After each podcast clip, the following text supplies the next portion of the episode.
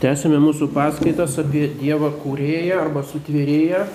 Pirmoji tų paskaitų dalis buvo apie patį Dievą kaip kūrėją, tai yra bendras pirmasis tokias savokas. E, apibrėžimas, kas tai yra sukūrimas, kas tai yra išlaikymas tvarinijos. Paskui antroji dalis, kuri šiek tiek užsitęsė ir truko jau dabar ilgiau nei pusę metų, tai buvo apie angelus kaip kilniausius Dievo tvarinius Dabar trečioji dalis bus apie Genezis, tai yra pradžios knyga, ką šventasis raštas sako apie sutvėrimą, o ketvirtoji dalis bus labiau iš mokslo pusės, e, pats aktualiausias klausimas tai yra evoliucijos teorija. Reiškia modernioji darvinistinė evoliucija kaip antigenezis, kaip prieštaravimas šitai sutvėrimo, e, sutvėrimo apreiškimui. Ir ar tarp jų yra prieštaravimas, kuriuose punktuose tiksliai yra prieštaravimas. Apie tai jau buvo paskaita, ar net kelios viešos paskaitos, bet jos buvo labai sutrauktos. Trumpai tik pagrindiniai punktai išsakyti, medžiagos liko palyginus daug, todėl ją panaudosim šitose katechezėse. Taigi Dievas kūrėjas, taip kaip jis save apreiškia, tai yra svarbiausia, mūsų tikėjimas remiasi Dievo apreiškimu. Tai yra dogmatika vadinamos tikėjimo dogmos. Tai yra, mums sako mūsų tikėjimas ir tos dogmos e, apibrieštos bažnyčios, jos remiasi šventuoju raštu ir tradicija. Tai yra tais dviem apriškimo šaltiniais. Dievas kūrėjas ir tai visa dabartinė ideologija, pseudo mokslinė ideologija, kuri paima tikro mokslo argumentus ir juos padaro kaip ginklus prieš Dievą. Ir tai yra vienas iš pagrindinių punktų šiais, šiomis dienomis vadinamoje apologetikoje, tai yra tikėjimo gynime. Kai pradedame kalbėti apie tikėjimą, tuoj sakom, kad e, Dievo ir sutvėrimo nėra, čia viskas yra legendos, e, pradžios knygos pirmieji skyriai E, Genezis istorija yra žydų mitologija, tai yra mitai ir tokios kaip pasakos. O nuo Darvino laikų ir evoliucijos teorija ir paskui visos kitos mokslinės teorijos atsėti visą šitą paneigę, įrodo, kad pasaulis vystosi savaime. tai yra taip vaizduojama kaip tikėjimo ir proto konfliktą. Ir būtent tai yra vienas, galima sakyti, aktualiausių tikėjimo gynimo klausimų arba apologetikos klausimų, ar iš tikrųjų tikėjimas ir protas e, arba religija ir mokslas vienas kitam prieštarauja. tai yra bažnyčios idealas harmonizuoti fides et ratio, harmonizuoti e, tikėjimą ir protą. Taigi šventasis raštas pirmiausia bendrieji principai, be kurių negalime teisingai išaiškinti taip pat ir genezis arba pirmųjų, e, pirmosios švento rašto knygos. E, biblinės studijos, jos labai vystėsi, buvo tam tikra raida naujaisiais laikais, kuri atnešė didžiulę pažangą. Galima sakyti apie šventą raštą, visą jo kontekstą Tikrai nuo XIX-XX amžiaus mes žinome objektyviai, nepalyginamai daugiau, negu buvo žinoma bažnyčios tėvų laikais arba Švento Tomo laikais. Tai yra tikras progresas ir niekas jo neneigia. Tačiau būtent biblinių studijų progresas yra sutapatinamas visiškai neteisingai su racionalistiniu Biblijos aiškinimu, kuris būtent tapo populiariausias tais laikais, nors jis visiškai nėra vienintelė mokykla ir tai nėra kaip magistralinė linija. Ir būtent e, šitas racionalistinis aiškinimas jis gimė tarp protestantų. Tai buvo XIX amžiui. Protestantai, galima sakyti, suskilo į dvi nesutaikomas stovyklas - į fideistinę ir racionalistinę. Fideistinė, nuo žodžių fides, tikėjimas, tai yra Liuterio pirmas principas - grinas tikėjimas grino šventa, šventojo rašto raidė. Reiškia, jie šventą raštą traktuoja panašiai kaip musulmonai Koraną.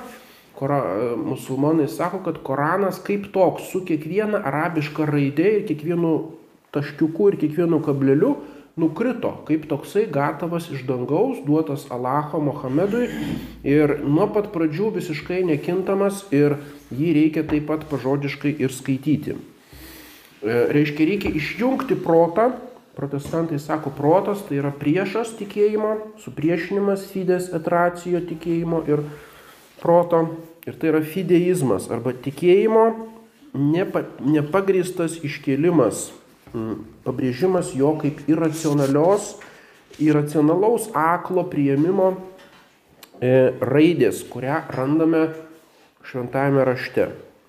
Kita stovykla yra racionalistinė, nuo racijo tai yra protas, pabrėžia vien tik tai protą ir tikėjimas nebeturi jokios reikšmės. Taigi proto ir, ir tikėjimo supriešinimas. Apie fideistus e, mažiau kalbėsime, tai ir pirmiausiai buvo pietistai, Pietizmas buvo tokia liuteronizmo šaka, kuri paskui įtakojo visus kitus protestantus ir netgi pas katalikus turėjo įtaką. Reiškia, kuri pabrėžė pietas, tokį e, jausmingą religingumą. Ir to pietizmo atmainų buvo daugybė.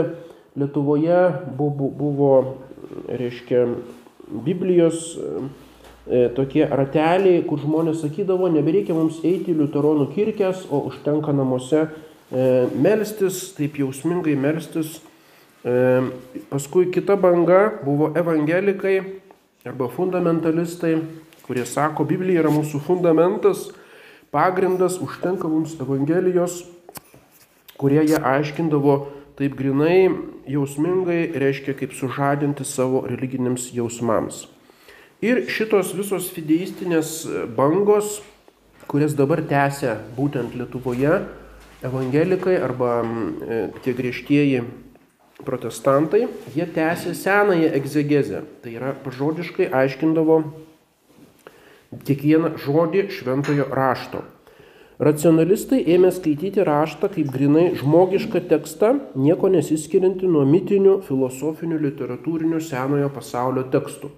XIX amžiuje buvo atrastos vedos, prasidėjo vadinamas orientalizmo judėjimas, atrasti Zaratustros raštai, atrasta masė, daugybė egzotiškų tekstų, taip pat tyrinėta legendos ir mitai indoeuropiečių tautų Europoje, germanų, slavų, pasakos, tai yra visas romantinis judėjimas, atskleidė milžiniškus klodus tokių labai įdomių gyvų e, religinių tekstų. Ir štai šventasis raštas buvo į visą šitą kontekstą įrašytas tokį ir e, ėmė skambėti irgi panašiai kaip toksai mitinis tekstas ir kaip ir kitus mitus juos pagal lingvistikos, gramatikos, istorijos taisyklės analizuoti, taip ėmė analizuoti ir šventąjį raštą. Gimė vadinamas istorinis kritinis egzegezės metodas, kuris pakirto iš karto ištisos protestantų kartos tikėjimą ir tapo pagrindiniu protestantiškų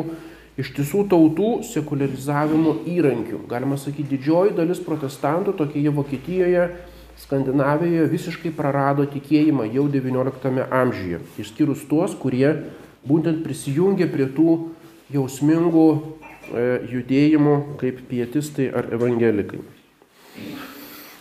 Ir viena iš tos istorinės kritinės krypties atšakų, tyriant pradžios knygą, buvo šaltinių teorija buvo tyriami, bandoma surasti pradžios knygos arba genezės šaltinius. Ir skiriama senoji šaltinių teorija, naujoji teorija. Tai senoji tik tai pradėjo tas, tas tyrimus, tai yra toksai Viteris, Astrukas, jau 18 amžiuje Aichornas, kurie ėmė išvelgti penkiaknygyje įvairius šaltinius. Ir paskui ją į naują lygį pakėlė naujoji šaltinių teorija Tai yra pirmiausia Velhausenas toksai. Velhausenas, kuris mirė pirmojo pasaulinio karo laikais, tai jis skaitosi praktiškai Biblijos tyrimuose ir visoje protestantiškoje teologijoje, tai panašiai kaip Leninas komunizme. Tai yra Velhausenas, tai yra absoliutus autoritetas.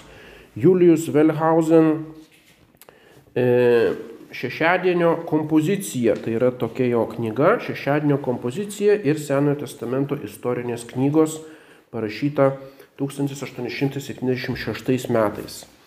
Ir štai kur tik tai nepasižiūrėsim, šita Velhauseno teorija paskui tapo kaip tokia tsunamis, kuris nušlavė visą senąją egzegezę ir įsiveržė taip pat pas katalikus dėja. Jis buvo tokia e, sugestyvi ir įtikinanti, kad net daugelis daug katalikų ją priėmė. Ir jeigu pasiskaitysim modernistinius visus visokius egzegetus, tą patį Rūpšio komentarus, įvadai jo į Senąjį testamentą, visur eina kaip kažkokia dogma, reiškia tą, ką Vilhausenas parašė. O jisai išskyrė keturis šaltinius būtent e, pradžios knygoje, vadinamas Jehvistas, Elohistas, kunigų šaltinis ir pakartoto įstatymo šaltinis. Reiškia, jis nupiešė tokį vaizdą arba tokį kaip mitą arba pasaką. Pirmiausia buvo Jehvistas, kurio tekstuose visur Dievas vadinamas Jahve.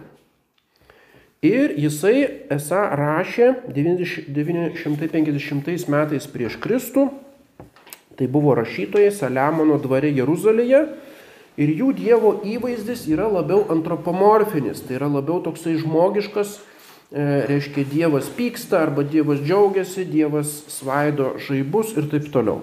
Tai yra Jehvistas. Toliau kitas šaltinis yra Elohistas, kur labiau naudoja Dievo vardą Elohim. Ir jisai rašė jau 800 metų prieš Kristų, e, žymiai vėliau, ir jo Dievo įvaizdis jau yra racionalus. Toliau trečias šaltinis yra vadinamas kunigų šaltinis, tai reiškia aplink šventyklą e, susikūrusi kunigų kolegija, kuri buvo ištrimta į Babiloniją. Kunigų šaltinis rašė maždaug 550 metais prieš Kristų, tai yra rabinai Babilono tremtyje, e, kuris pabrėžė ritualizmą, pabrėžė apeigas, pabrėžė tą e, apeiginį aspektą. Ir galiausiai pakartoto įstatymo šaltinis jau yra 620 metai e, prieš Kristų, jau įtakota pranašų, o pranašų žvilgsnis jau yra nebe ritualistinis, o etinis, reiškia labiau moralinis Sako, jūs atsiverskit, ne tos išorinės apėgos šventyklo yra svarbios, o reiškia etinis, kad būtumėte geri, kad vykdytumėte širdyje Dievo valią. Tai reiškia Izaijo, Jeremijo, tos visos e, aiškinimas ir vėlesnių pranašų. Tai mes šito neneigiam. Iš tikrųjų, Dievas Senajame testamente vadinamas įvairiais vardais.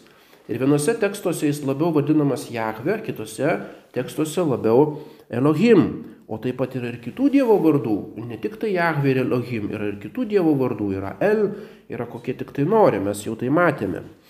Taip pat niekas neneigia, kad vienose vietose Dievas vaizduojamas labiau antropomorfiškai, reiškia, lyg turėtų žmogiškas aistras, o kitose labiau racionaliai, kaip reiškia toksai architektas, kuris konstruoja, konstruoja pasaulį savo protingų žodžių. Taip pat neneigiam, kad buvo ir ritualinės įtakos, ir pranašų įtakos, buvo net tam tikras konfliktas tarp kunigijos ir pranašų, kuris vėliau virto konfliktų tarp fariziejų ir esėnų. Reiškia, fariziejai laikėsi griežtos apieiginės tvarkos, o esėnų sekta, kurios vėliau dalis tapo krikščionėmis, reiškia, jie labiau pabrėžė vidinį atsivertimą kaip Jėzus Kristus, kad turite visi šitie elementai yra. Bet kodėl Velhausenas sugalvojo, kad šitos elementus reikia išskaidyti į keturis kažkokias mokyklas arba šaltinius ir reiškia, kur yra pradžios knyga, kur pagal visą tradiciją iki Velhauseno, tai yra Mozės parašyta. Mozės šitą vieną knygą suskaidė į tuos keturis šaltinius Ir tai dar negana, kiekvienas iš tų šaltinių dar yra suskaldomas į visokiausius redaktorius ir, reiškia, kompiliuotorius. Ir, ir galiausiai buvo kažkoks tik galutinis redaktorius, kuris visus tuos šimtus gabaliukų kažkaip juos sudurstė, reiškia, kaip tokį patchwork, reiškia tokį durstinį ir iš jo išėjo dabartinė e, Genezės knyga nu tai yra kažkokia fantastinė teorija, toks kaip mitas, reiškia sukurtas. Iš kur visa tai?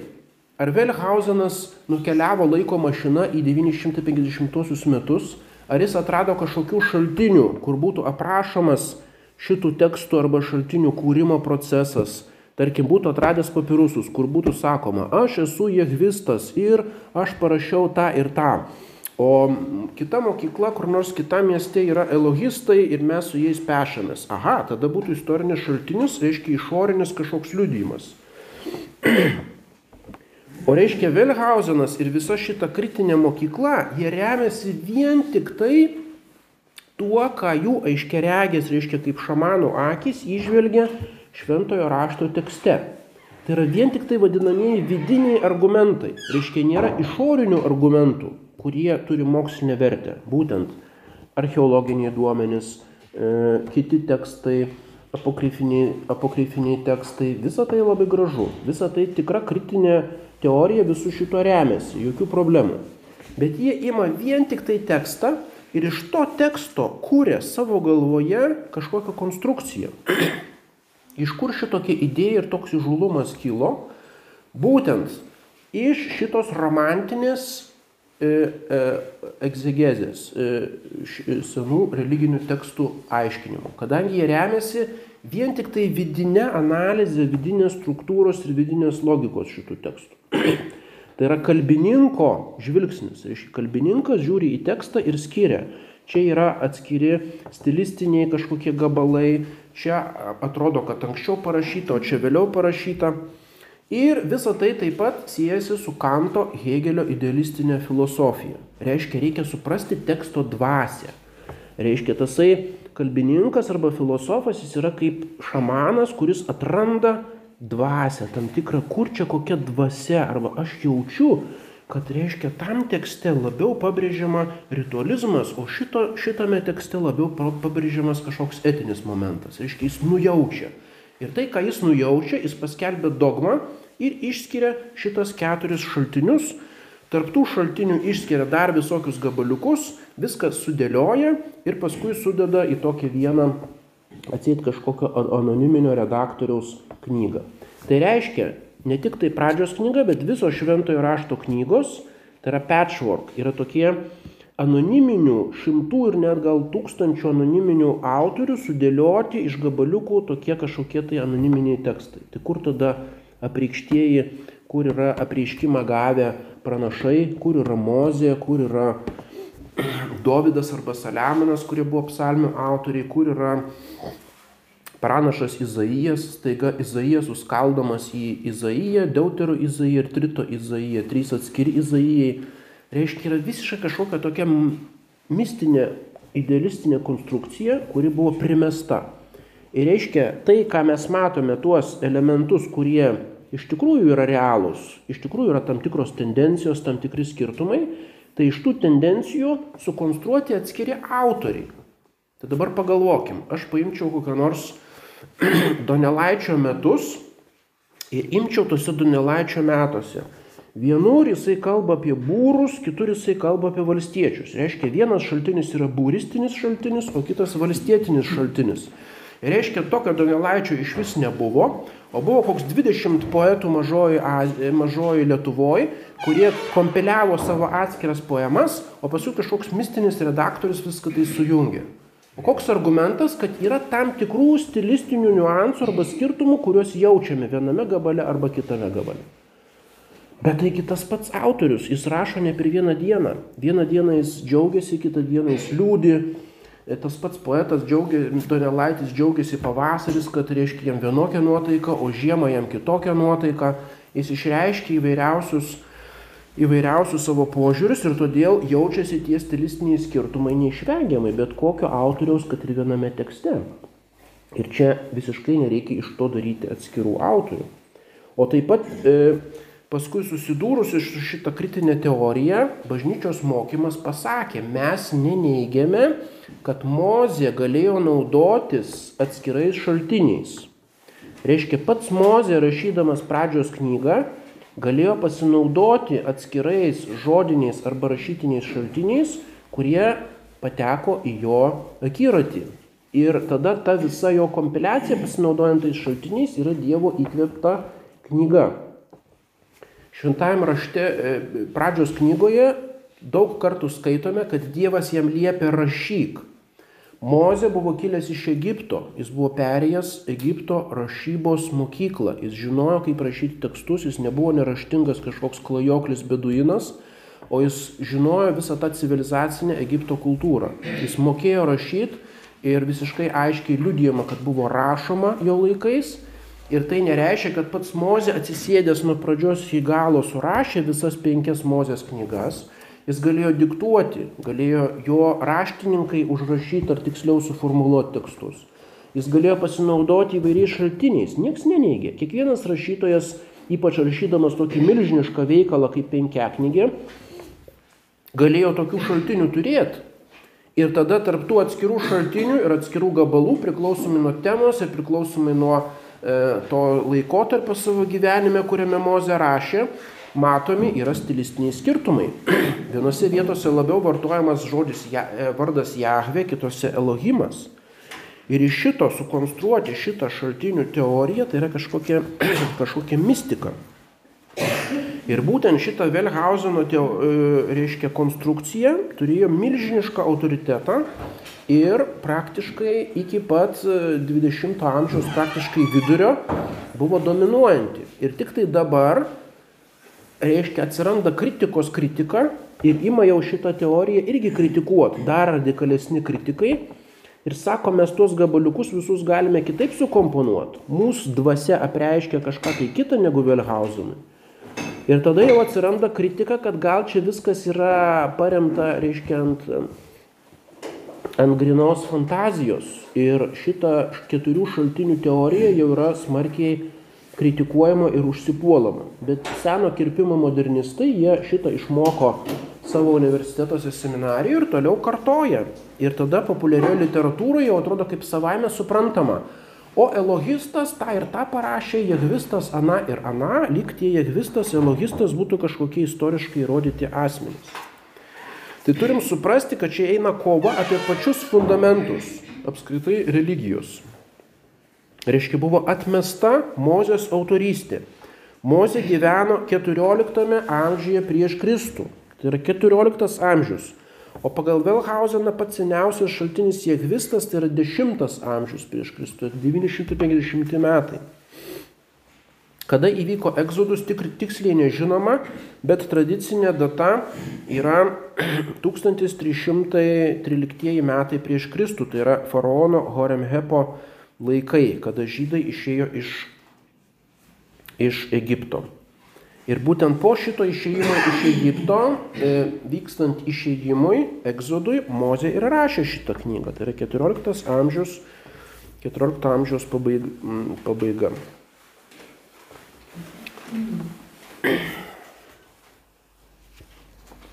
Remiantis paties Jėzaus autoritetu, pagristai išlaikome tradicinę Mozės autorystę. Luko Evangelija 24 skyrius ir kitur sako, Mozė šitą ir šitą rašė, Mozė tą ir tą. Reiškia, pats Jėzus Kristus pabrėžia, kad tos knygos turi Mozės autoritetą. Jisai gavo pakankamą išsilavinimą Egipte, yra minimas ne vieną kartą Dievo įsakymas rašyti ir todėl, nors ir neminima, kad tarkim, su Mozė sėdėjo palapinėje 24 raštininkai, kurie mirkė savo plunksnas ir, reiškia, skrebeno ir tenais kažką rašė. Reiškia, neaprašytas pats užrašymo procesas.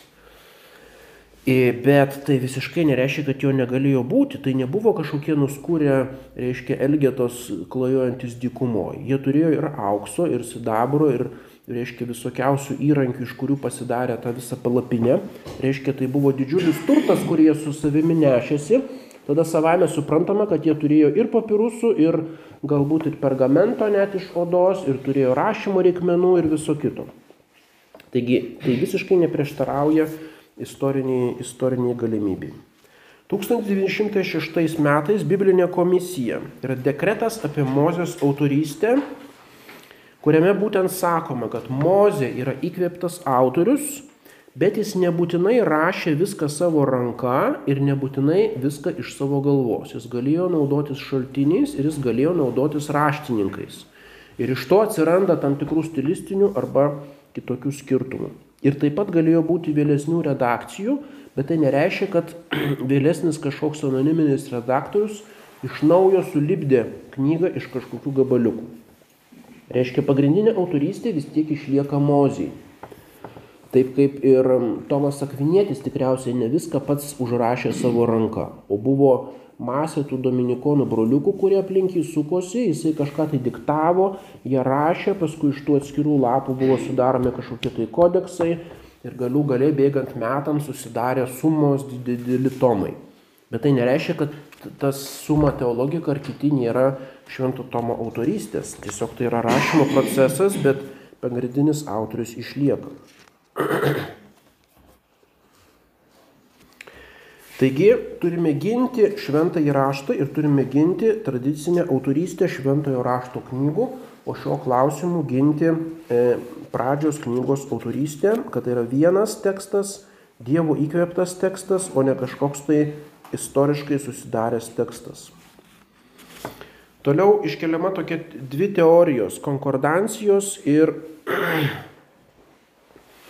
E, ir išvystymo teorija. Konkordancijos teorija bandoma prievartą suderinti Bibliją ir mokslinės teorijas. Šitą konkordancijos teoriją pasirenka būtent šitie e, evangelikai, fundamentalistai, protestantai ir taip pat jų įtakoti kai kurie stačiatikiai ir net kai kurie tarp katalikų. Kad reiškia, imam Biblijos raidę, imam mokslų kažkokias naujausias teorijas, kurias perskaitom ir bandom mechaniškai, reiškia, jas sukompiliuoti. Ir tada išeina tokia mišrainė, kuri nei iš vienos pusės netinka. Kita teorija pabrėžia gamtos mokslų ir teologijos sferų visišką skirtingumą. Reiškia, sako, kad konflikto nėra, kadangi Biblija ir mokslai kalba apie visiškai kas kitą. Taip kaip nėra konflikto tarp telefonų knygos ir fizikos vadovėlio, nes jie tiesiog apie kitus dalykus rašo ir nu, tiesiog kitos temos yra. Reiškia, Biblija kalba apie žmogaus išganimą, apie jo religinius jausmus, Dievą ir taip toliau. O fizika kalba apie atomus, arba chemija kalba apie cheminius mišinius ir čia visiškai skirtingos temos. Reiškia, gamtos mokslus ir teologiją reikia visiškai atskirti, nepainioti ir jie nieko bendro neturi. Reiškia, Biblijoje yra tik tai antlaikiškas mokymas, kad Dievas yra visų daiktų tvėrėjas kuris e, tų rašto, švento rašto rašytojų buvo įvilktas į tos epochos savokas, vaizdinius ir šiandien tai yra visiškai neaktualu ir Dievas to visiškai nenorėjo apreikšti. Ir šita teorija dabar žinoma yra dominuojanti. Jons vienas iš pradininkų buvo Francis Bacon, anglų filosofas 17 e, amžiuje, kuris būtent pabrėžė griežtą mokslo ir tikėjimo arba mokslo ir apreiškimo atskyrimą. Ir tada Bacon sako, kad kuo absurdiškesnis teiginys šventajame rašte, tuo mums didesnis nuopelnas, jeigu juo tikime, bet visa tai lieka tik tai religijos sferoje ir atsėt čia jokio konflikto nėra. Reiškia, visa tai, kas yra Biblijoje ir tikėjime, nutremiama į iracionalumo sferą. Ir tai nieko bendro nebeturi su protinga mokslinė tvarka. Toliau anglų e, filosofas Hobsas savo Leviatane rašto, rašo, kad šventasis raštas siekia mus paskatinti Dievą garbinti ir jo klausyti, o ne jį suprasti. Jis nesiekia perteikti protui suvokiamų tiesų, tik religinį jausmą ir paskatinimą. Tai yra grinai protestantiškas fideizmas. užtenka religinio jausmo, užtenka tikėjimo E, reiškia, Biblija yra tokia pamaldi knyga, Dievą garbinti ir jo klausyti. Reiškia, praktiškai, turim praktiškai vykdyti Dievo valią. Tai yra grinai, ką paskui Kantas sako savo praktinėje etikoje. Kam reikalinga religija? Kad žmonės būtų paklusnus Prūsijos monarcho piliečiai ir valdytų vykdytų įstatymus. Tai yra Biblijos visos protestantizmo ir visos religijos tikslas. Reiškia praktinis imperatyvas. Tu turi praktiškai gerai elgtis kaip geras pilietis. O kas ten teorija, koks tas Dievas, viso šito mes neduota žmogui suprast e, ir to visiškai nereikia. Švenčiausioji trejybė, Kristaus dievybė, Visa tai tokios yra paslaptys, kurios protui yra kaip absurdas. Reiškia, jos nėra skirtos protui, o tik tai aklam tikėjimui. Būtent tai yra Hobso tezė. Paskui Spinoza, žydų racionalistinis filosofas, 17 amžius, pirmasis pavartojo žodį kritika diskusijoje apie šventąjį raštą. Reiškia krizis graikiškai, tai reiškia teismas. Reiškia atsistoja Spinoza arba koks nors kitas mokslinčius ir jisai imasi kritikos, reiškia jis teisė tai, kas parašyta. Čia yra tiesa, čia netiesa. Ta pripažįstu, tą nepripažįstu.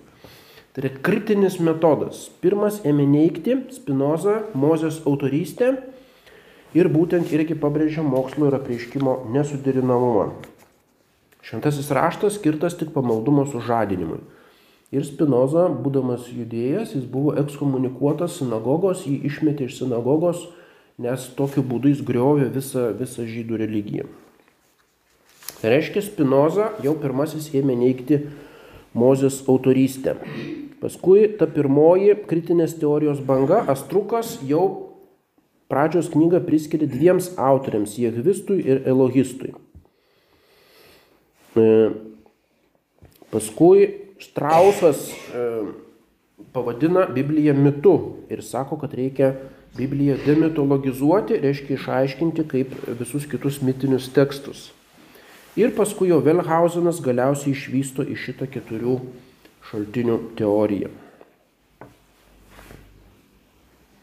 Šventasis Pijus X 1907 metai enciklika Pašendi pasmerkė principą, esą mokslas yra visiškai nepriklausomas nuo tikėjimo ir tikėjimas turėtų būti, arba tikėjimas turėtų būti pavaldus mokslams. Reiškia, jis atmeta šitą šizofreniją tarp mokslo ir tikėjimo, arba kad e, naujausiai gamtiniai arba istoriniai mokslai turėtų diktuoti tikėjimui.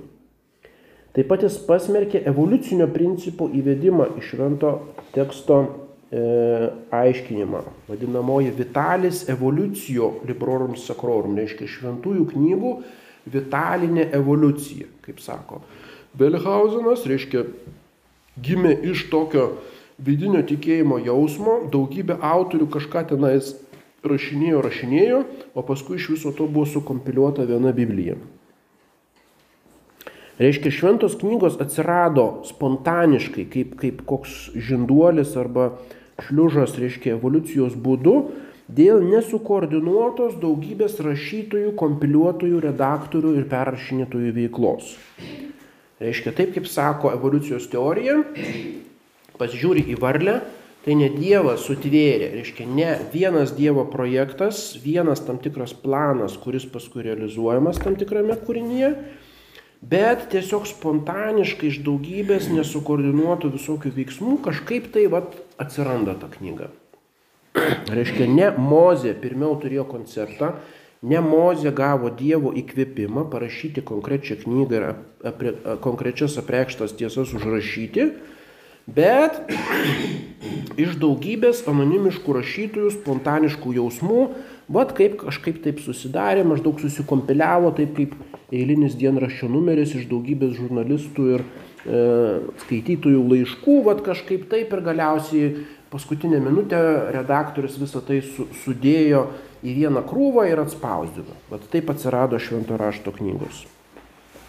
Ir reiškia, Pijus X pabrėžia, kad tie kritiniai egzegetai remiasi vien vidiniais kriterijais ir savo nuomonę. Reiškia tai, ką jų dvasia mistiškai išvelgia ir taip pat savo nuomonę. Jų nuomonė tai yra dogma. Ir su tokiu tikrumu rekonstruoja tekstų istoriją, rašo Pijus X, lyg patys buvo to proceso liudininkais. Tai yra tiesiog neįtikėtinas įžulumas. Arba kiti sako, tai yra XIX amžiaus optimizmas. Reiškia, žmonės buvo optimistai. Kaip anglai nueina e, Cecil Rhodes į Afriką ir kas čia ta Afrika, paimsim, apžergsim ir visą Afriką prijungsim. Reiškia tas optimizmas, begalinis optimizmas, arba technikos optimizmas, arba mokslo optimizmas. E, paskui 20 amžiuje jau šitas labai apslopsta. Bet vat, būtent tos teorijos gimė 19 amžiuje šitais laikais.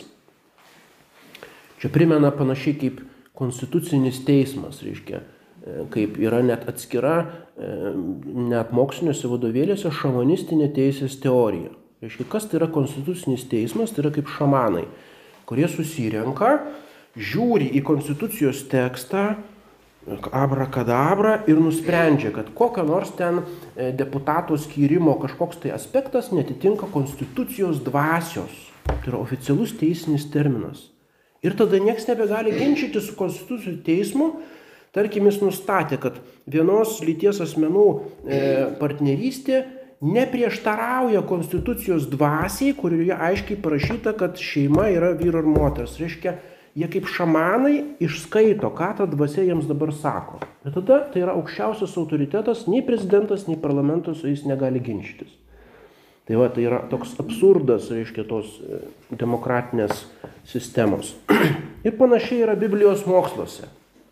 Velhausenas išvelgia švento rašto dvasę. Ir dabar visi pulkim ant kelių ir priimkim tai, ką Velhausenas surašė. Nu, tai yra kažkoks absurdas. Bet būtent jam pasidavė didžioji dalis švento rašto aiškintų ir tai, tai yra didelė problema. Pratesim kitą kartą.